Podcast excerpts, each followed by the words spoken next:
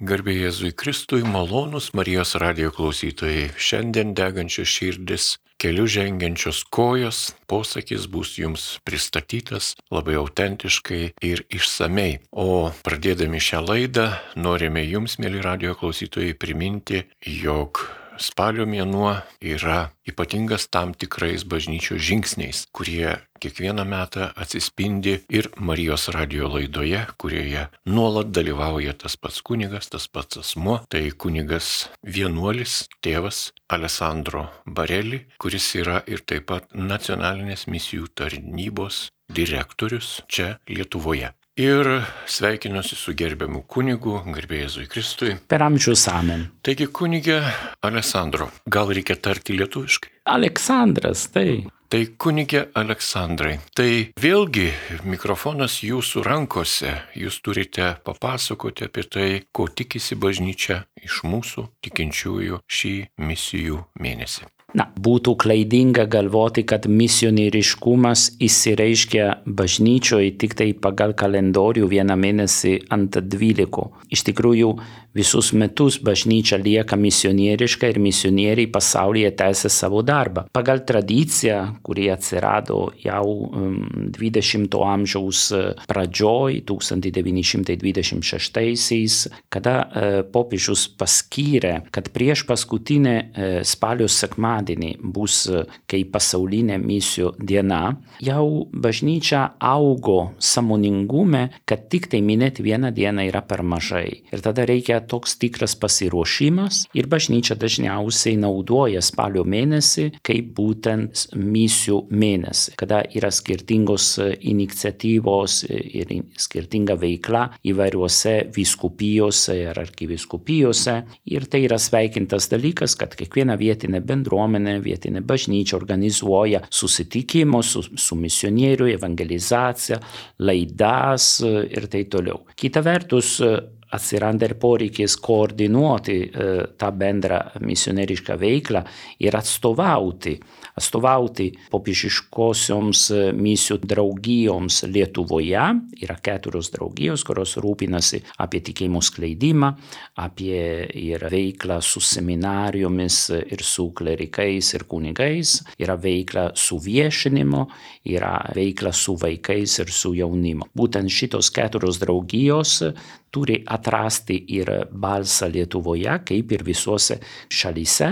Ir dėl to ir buvo toks paskirimas mano kaip popiežiškųjų misijų draugijų direktorių Lietuvoje. Bet iš kitos pusės taip pat Lietuva turi būti atstovaujama tose tikrose vietose, kada yra, yra Europos mastų ir pasaulio mastų susirinkimai ir aptarimai apie misionierišką veiklą ir Europoje.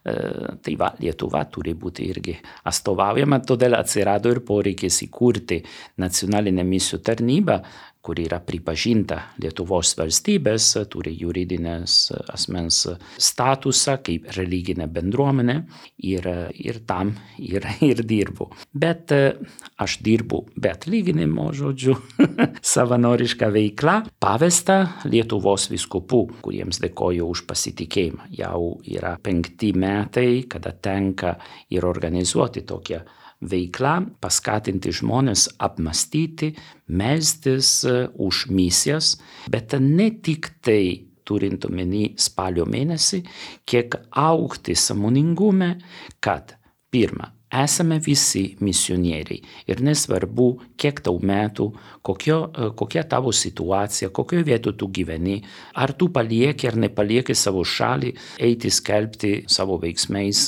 Dievo žinią. Antras dalykas, kad pasaulyje yra labai daug jaunų bendruomenių ir jaunų bažnyčių, ne Europoje, bet Afrikoje, Azijoje, kurios pačios negali įsivystyti pradžioje, sukurti tokią tikrą struktūrą, kateketų, karitas ir seminarijos. Ne? Pagalvokime, kad nauja viskupija atsiranda, nauja turiu omeny, kad gali būti kurta vakar arba gali būti kurta prieš 30 metų, bet dar nėra vietinė bendruomenė tokia stipri, kad gali išlaikyti ir viskupijos institucijas. Pagalvokime, Afrikoje yra labai daug pašaukimų į kunigystę. Viena paprasta seminarija turi, na, nežinau, 50 arba 100 klerikų. Iš kur tos viskupijos viskupas gali gauti lėšų maitinti tuos klerikus ir maitinti ne tik tai duoną ir maisto, bet maitinti ir Dievo žodį, paskaitomis, formacija, iš kur gali atsirasti dėstytojai, kurie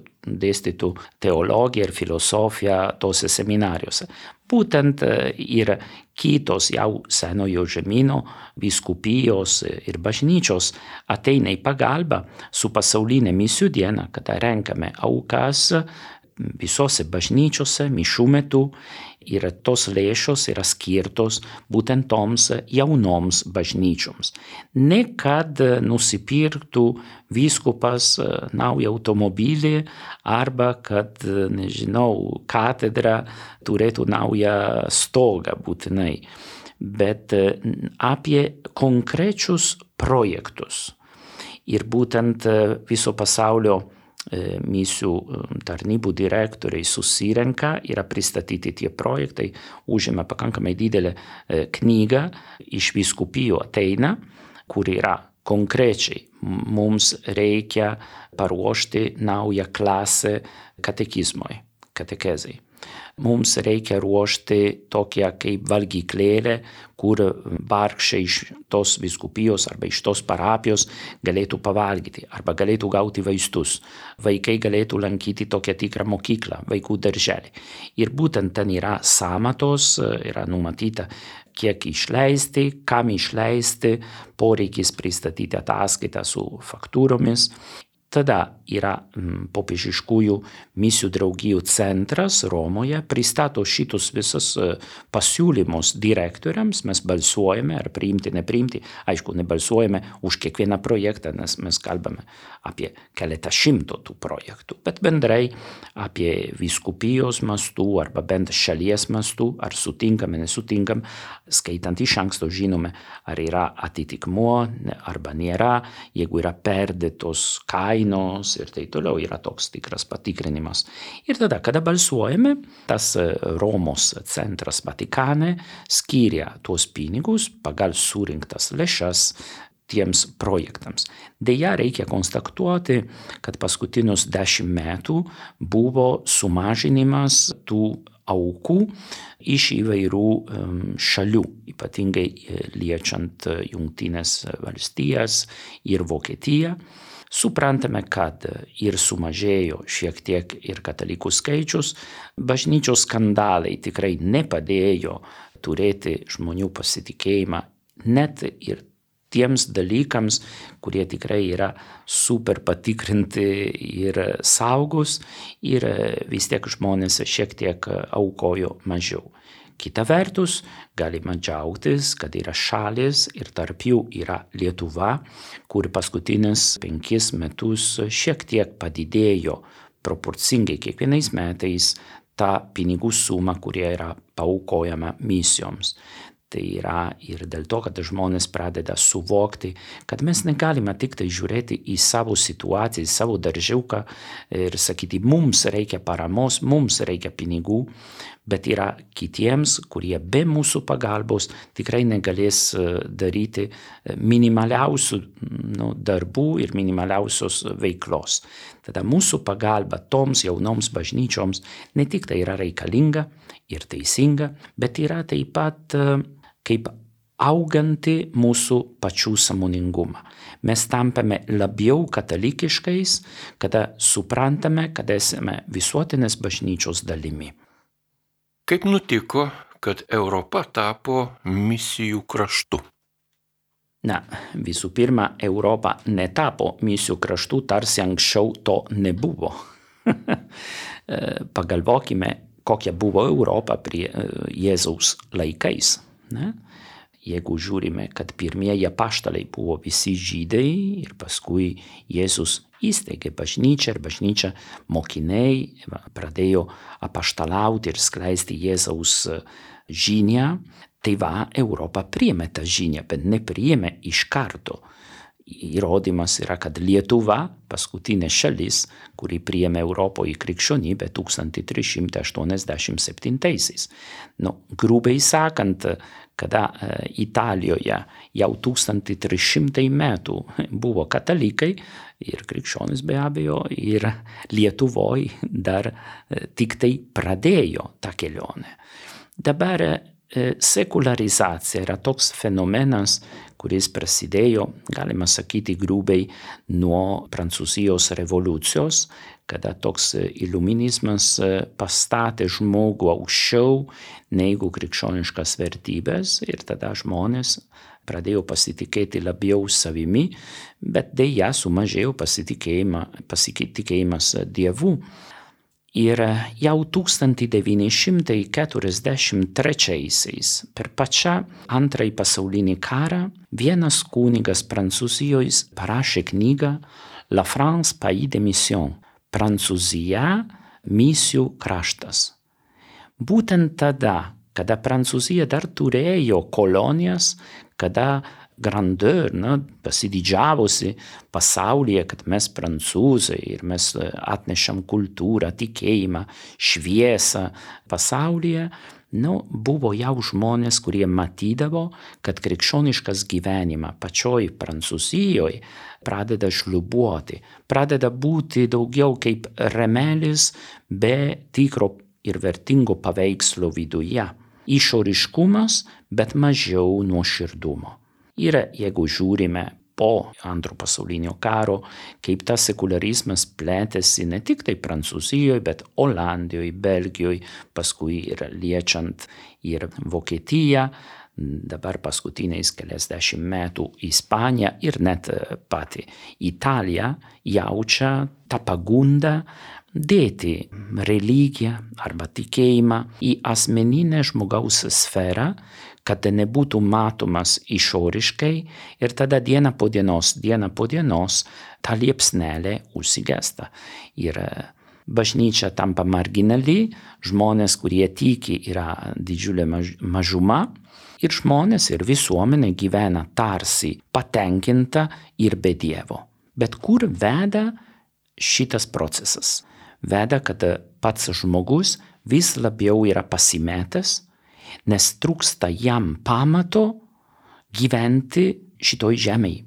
Jeigu mes nuėmėme tikėjimą nuo žmogaus širdies, kuo yra paremta jo egzistencija tarp kitų žmonių. Kada mes matome smurtą net šeimos aplinkoje, kada mes matome nepagarbą mokyklų aplinkoje, kada vaikas puola savo mokytoją, arba kada ir mokytojas muša vaiką, arba kada atsiranda tikrai tokia agresija tarp vieno žmogaus ir kito žmogaus, mes galime tikrai atpažinti, kad ten toj visuomenės dalyje dingo tos vertybės. Dingo žmogiškumas dėl to, kad mes atsisakėme laikyti Dievą kaip pamatas. Misionieriškumas reiškia nesakyti pamokslų, neeiti prie gatvių, sankryžų arba į prekybos centrus, skaityti garsiai šventąjį raštą, ypatingai Evangeliją. Ne, misionieriškumas yra gražinti visuomeniai ir žmonėms Dievą savo buvimu, savo pavyzdžiu. Misionieriai yra tie, kurie gyvena savo tikėjimą autentiškai, be fanatizmo, su žvilgsniu į gailestingumą, į atleidimą, į supratingumą kitaip manantiems, bet vis tiek siūlydamas savo ir viziją, kurie įtraukia Dievą. Tai misionieriškumas yra būtent tai. Nenorime naudoti žodį misionieriškumo. Gerai, naudokime kitą žodį, gal populiaresnį evangelizacija. Nuo žodžio evangelija, bet evangelija neskaityta arba ne pagrindinė skaityta, o išgyventa. Randame vietą maldai, randame vietą liturgijai, randame vietą ir šventojo rašto skaitimui, kada jau yra samoningumas, kad man tas tikėjimas yra svarbus, kad man tas tikėjimas yra ramštis. Bet kol to nėra, aš negaliu visų pirma siūlyti, tu ateik išklausyti mišas. Žmogus pasimetęs, gal tiki, gal netiki, pats nežino. Yra toks anegdotas, ne, kada ateistas ant mirties patalio yra paskutinio atodusio ir sako, viešpatė dėkoju tau, kad mirštų ateistas. Nu, kada pats žmogus nežino, ar tiki, netiki ir į ką tiki. Ir uh, Iš savo patirties galiu liūdyti šitą, kada žmogus ateina ir sako, viešpats mane nubaudė dėl šito, šito, šito priežasties. Ir aš pasakiau, atsiprašau, bet mano Dievas, į kurį aš tikiu, nėra tas, kuris nubaudžia, nei jūsų, nei kitų. Aš netikiu į tokį jūsų Dievą. Mūsų Dievai tarsi skiriasi. Bet čia yra būtent aukti ir liūdyti kad dangiškasis tėvas lydi mus ir lydi kaip misionieriai ir kaip mokiniai. Būtent panašiai kaip Emauso mokiniai, kurie pasimetė, buvo viskas baigta jų akise, bet nepamirškime, kad jie dar išgirdo moterų liūdimą iš ryto, kad kapas yra tuščias, bet jiems neužteko ir vis tiek išėjo iš miesto, grįžo į savo namus, nepaisant tų moterėlių, kaip jie vadinasi, mūsiškės moteris, liūdėjo, kad kapas buvo tuščias ir kad Jėzus yra gyvas, sakęs, mačiusios angelius. Tai va, neužteko jiems. Bet kada susitinka kelyje su Jėzumi, prisikėliusi, kuris aiškina raštus, užsidega jų širdis. Malonus Marijos radio klausytojai, jūs girdite laidą, kurioje apie misijų mėnesį, paraginimą tam mes turime iš Romos katalikų bažnyčios popiežiaus Pranciškaus, šiandien pasakoja nacionalinės misijų tarnybos direktorius kunigas Salezietis, jis yra taip pat ir Švento Jono Bosko Saleziečių parapijos klebonas Aleksandras Barelį. Ir jau daug papasakojate apie ir misijų svarbą, ir šio laikotarpio svarbą taip pat. Ir misionieriais pirmiausia kviečia būti širdimi ir tik po to veiksmais. Daugelį žmonių gali kilti klausimas, kaip būti širdimi misionierių, ką tai reiškia ir ką jūs galėtumėte kaip kunigas mums padėti šitoje situacijoje susivokti. Kada kalbame apie tikėjimą, turime įsidėmėti, kad visų pirma kalbame apie būti, negu veikti. Katalikas yra tas, kuris yra tikintis, o ne tas, kuris veikia kaip tikintisis. Nes nesvarbu, ar tu gali ar negali daryti. Nes tuo atžvilgiu, jeigu mes pirmenybę skirsime veikimui, tada žmogus, kuris serga, kuris yra ligonis, kuris yra senas, gal prikaustytas lovoje, paralyžiuotas, tada ką jis nustoja būti tikintisis. Arba yra antrosios rūšies. Nu gerai, gerai, ir tu esi katalikas. Ne. Būti tikintisis yra išgyventi ryšį, santyki su Dievu ir po to pagal tavo amžių, pagal tavo situaciją, pagal įvairiausias aplinkybės, tada tu gali veikti ir tai yra tavo misija papildoma. Bet tavo pirmutinė misija yra būti mokinys, kuris tiki ir kuris liūdė tą tikėjimą. Ir kad čia yra ne mano sugalvoti žodžiai, įrodymas yra, kad spalio mėnuo prasideda spalio pirmą dieną su vieno minėjimu, tai yra Šventosios Teresės Lizietės misijų globėja. Kaip čia dabar gali būti, kad klauzūros uždaryto vienuolino vienuolė, kuri niekada neišėjo nuo 15 metų nuo savo vienuolino ir mirė jauna, yra paskirta popiežiaus misijų globėja. Atsakymas yra kad jinai buvo misionierė ne veiksmais, o širdimi. Ji pati rašo savo memoaruose, kad e, tikėjimo pradžioje, kada pradėjo būti samoninga krikščionė, jinai norėjo būti misionierė, norėjo būti ta, kuri meldžiasi, norėjo būti ta, kuri veikia, norėjo būti mokytoja, norėjo būti medicinos seselė, kuri padeda ligonėms, norėjo, norėjo, norėjo. Bet paskui suprato, kad turi pasirinkti ir kad bažnyčia yra mistinis kūnas ir Jėzus yra to kūno galva. Tada kokia tu dalis nori tapti ne, tame kūne. Ir jinai pasirinko, ir tai parašo apie save, pasirinko būti širdis, kuri myli ir kuri palaiko ryšį su galva, su Jėzumi, tokiu būdu stiprinant ir tuos, kurie gyvena aktyvų gyvenimą kaip misionieriais savo gyvenamuose vietose. Tai reiškia, būtent Tereselė yra pavyzdys, kad galima tapti misionieriais net neišeinant iš savo namų. Dabar, kad mes esame paraginti ir tapti tokiais misionieriais, ne kurie neišeina iš namų dėl tinginystės ar dėl užsidarimo, man apie kitus neįdomu. Ne, mes kalbame apie skirtingus pašaukimus, skirtingą veiklą pagal įvairiausias situacijas.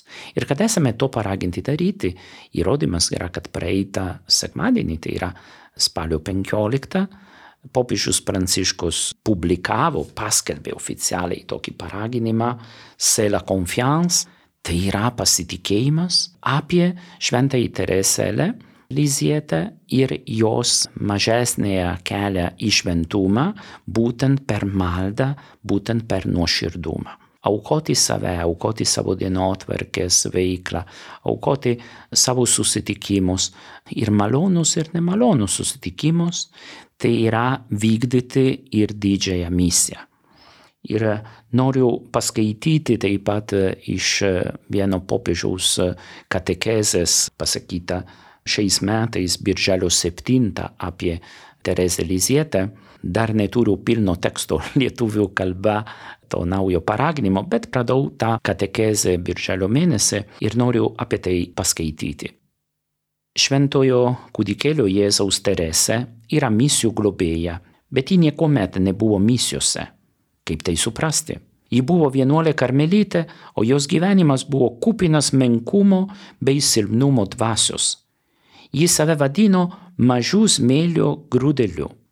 Būdama silpnos veikatos, Tereselė mylė suraukusi vos 24 metus.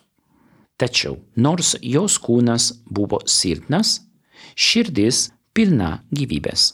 Ji buvo misionierė. Savo dienoraštyje Šventoji Teresė pasakoja troškusi būti misionierė ne tik keletą metų, bet visą likusį gyvenimą iki pasaulio pabaigos. Teresė buvo kelių misionierių dvasios sesuo. Iš vienuolino lydėjo juos savo laiškais, maldomis ir nuolat aukojo už juos įvairius apsimarinimus. Nesiekdama pasirodyti, ji meldėsi užtarimo malda už misijas. Veikė tarsi variklis, kurio nesimato, bet kuris suteikia transporto priemoniai galimybę judėti į priekį.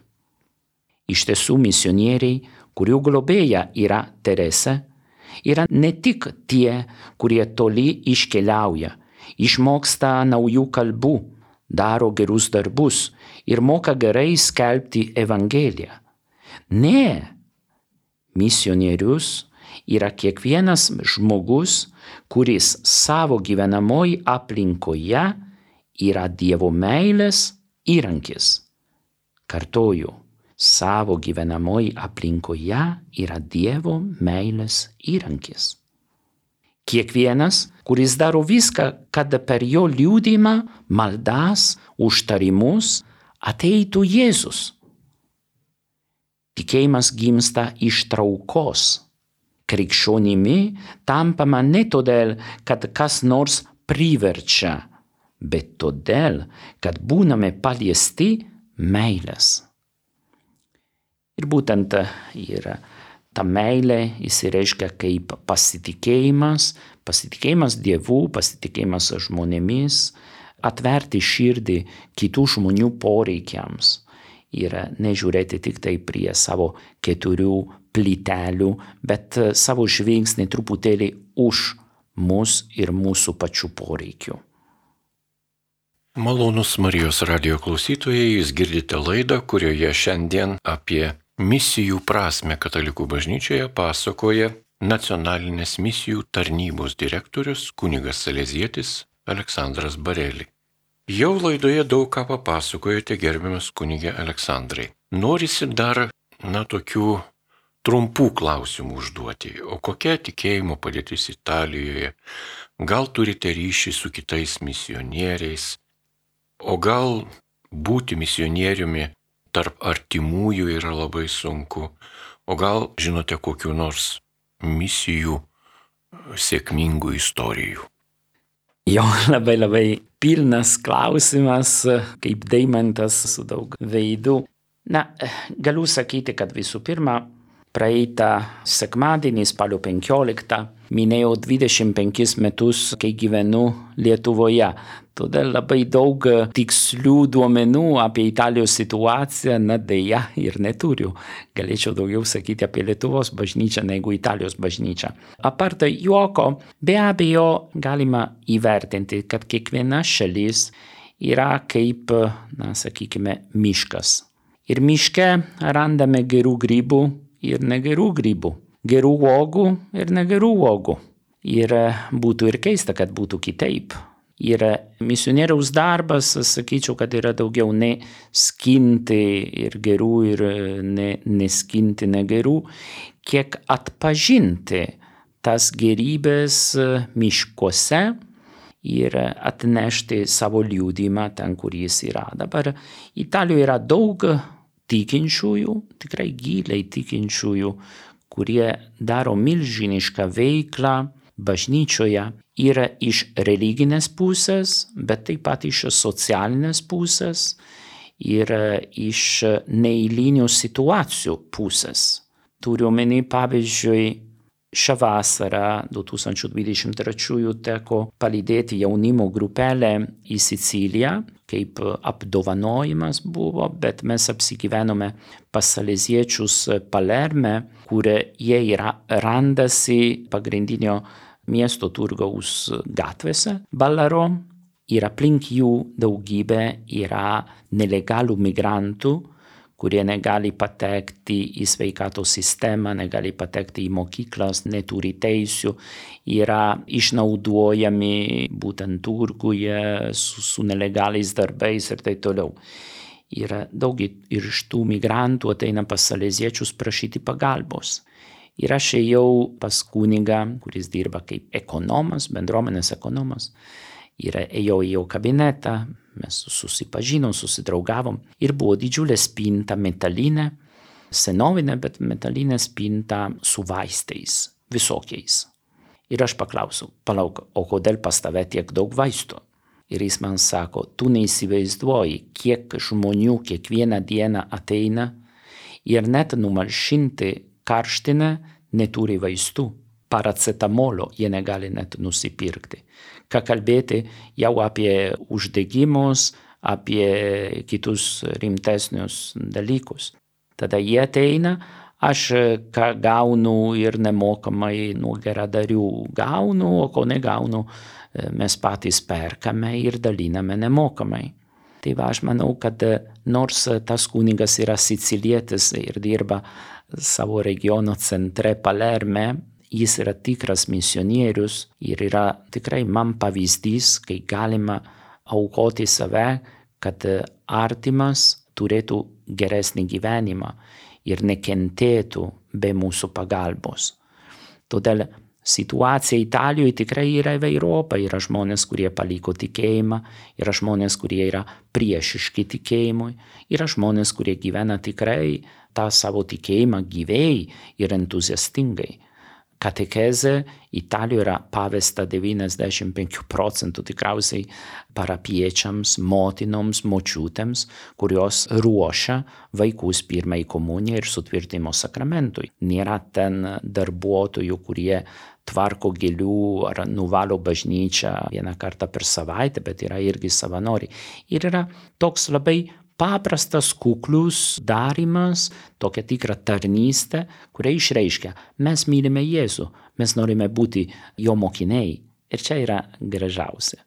Neprisimenu, apart klausimą apie Italiją, kokie buvo kiti klausimai. Tikrai jų buvo daug ir jie tokie pasidalinimo klausimai. Ja. Viena kita gal kokia linksmėsnė istorija iš misionieriaus gyvenimo. Taip. Čia Lietuvoje ir pasaulyje. Mhm. Nu, linksmesnių istorijų, na matote, liūdnesnių prisimename geriau. ir atsimenu tokio misionierius, kuris su manim kalbėjo, nesakysiu kokioj šalyje jis buvo, bet buvo Europoje. Ir jis e, man su nusivylimu kalbėjo, nes sako, čia dirbti yra žymiai sunkiau negu Afrikoje. Sakiau, o kodėl? Aš turiu studijų draugą, kuris dirba Čade, Afrikoje, ir jis kiekvieną dieną daro tokią tikrą mokyklėlę vaikams, turi keletą šimtą vaikų, paskui duoda jiems valgyti ryžius per pietus, jeigu jis neduotų tų ryžių, jie tikrai e, numirtų iš bado. Ir jis ten e, kalba, bendrauja ir yra pilna žmonių aplinkui. Ir visi gerbė jį, kadangi jis toks, e, nu, populiarus ir geras žmogus tame kaime. O aš čia sėdžiu namuose, aukoju mišas, klausau išpažintis, turiu tokią tikrą veiklą, bet tarsi aš turiu atsiprašyti už tai, kad aš esu tikintis, kad aš esu kunigas ir žmonės ateina, neateina, dauguma jau ignoruoja. Nu, čia yra sunkiau. Ir aš pasakiau, taip yra sunkiau, dėl to, kad išoriškai gal esi netoks populiarus. Bet klausimas yra, jeigu žmogus net čia, kur tu gyveni, Europoje, gali atrasti tavyje Kristaus veidą. Ar tas apaštalavimas yra mažiau svarbus negu duoti ryžius vaikams toj kaimo mokyklėlei? Nu, tai va, aišku, man pačiam, no, kuris gyveno jau tiek metų Lietuvoje, nėra visada lengva. Ne? ir kartais susiduri su žmonių ne tiek priešiškumo, kiek abejingumo. Ne? Ir kartais net ir bažnyčios viduje, kiek kartų tenka ar skambinti, ar rašyti vienam, kitam, net ir kunigams, ir rasti iš kitos pusės žmogus, kuris žiūri į tave labai labai šaltai ir abejingai. Aš manau, kad e, sėjėjo palyginimas iš Jėzaus mus mokina sieti tą gerą sėklą. O sėkla krenta ant kelio tarp erškėčių, akmenuotos žemės, nu, čia yra jau viršientis mūsų galimybės ir ką. Kas iš linksmesnio, galima tikrai džiaugtis, kad yra labai daug šventųjų bažnyčioje, kurie aukojo save dėl misijų arba plačiai sakant apie dėl evangelizacijos.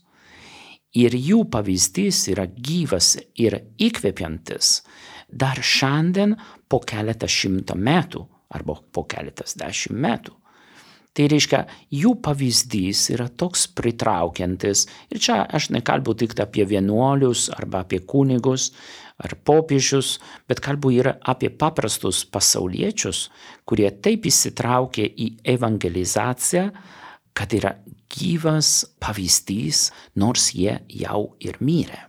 Motina, kurie atsisakė daryti abortą, nors tai reiškia, kad ji pati turės numirti Džana Beretta Molla. Karlo Akutis, kuris nepaisant, kad buvo jaunuolis ir įsitraukęs į kompiuterį, internetą ir tai, sugebėjo likti Jėzaus pusėje ir dar iki šiol traukia daugybę jaunų žmonių į tikėjimą. Bet čia galėčiau padaryti sąrašą ilgiausią. Čia yra geri pavyzdžiai bijau pakalbėti apie gyvą misionierių, kuris yra tarsi supermenas, dėl to, kad visų pirma, mes nežinome, kaip žmogus baigia savo gyvenimą ir reikia ateiti iki pabaigos, ne tik tai per vidurį. Antras dalykas, kad nepažymėčiau per daug tą išoriškumą, veiklą to misionieriaus, nes reikia žiūrėti patinka, koks nuostabus tikriausiai jis yra ir viduje.